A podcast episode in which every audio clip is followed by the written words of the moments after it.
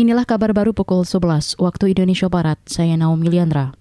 Saudara, banyak masyarakat wajib pajak mengaku tidak tahu bahwa nomor induk kependudukan atau NIK akan menggantikan nomor pokok wajib pajak NPWP.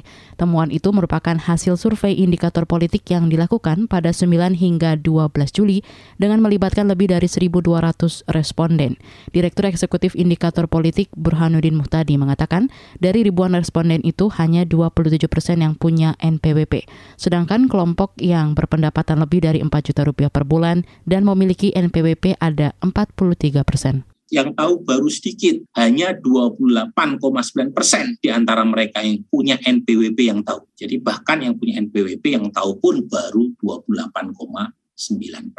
Nah, tetapi tingkat pengetahuan mereka yang punya NPWP tetapi pendapatannya 4 juta lebih per bulan itu lebih tinggi dibanding responden yang punya NPWP saja. Tapi overall secara umum kita e, menemukan tingkat pengetahuan publik bahwa NIK akan digunakan sebagai pengganti NPWP itu relatif rendah.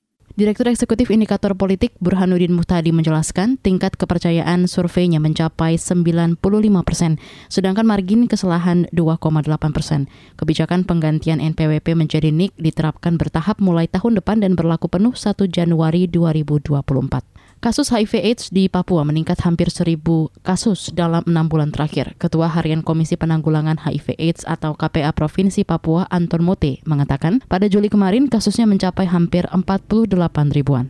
Masalah HIV di tanah Papua terjadi peningkatan cukup tinggi. Waktu dekat kami akan melaksanakan survei ke 29 kabupaten kota untuk mendapatkan data real terkait kondisi saat ini di setiap kabupaten. Setelah itu kami akan lakukan penataan, pemetaan masalah, dan akan menyusun program yang segera kami laksanakan untuk di akhir tahun 2022 yang juga akan menjadi program di tahun 2023.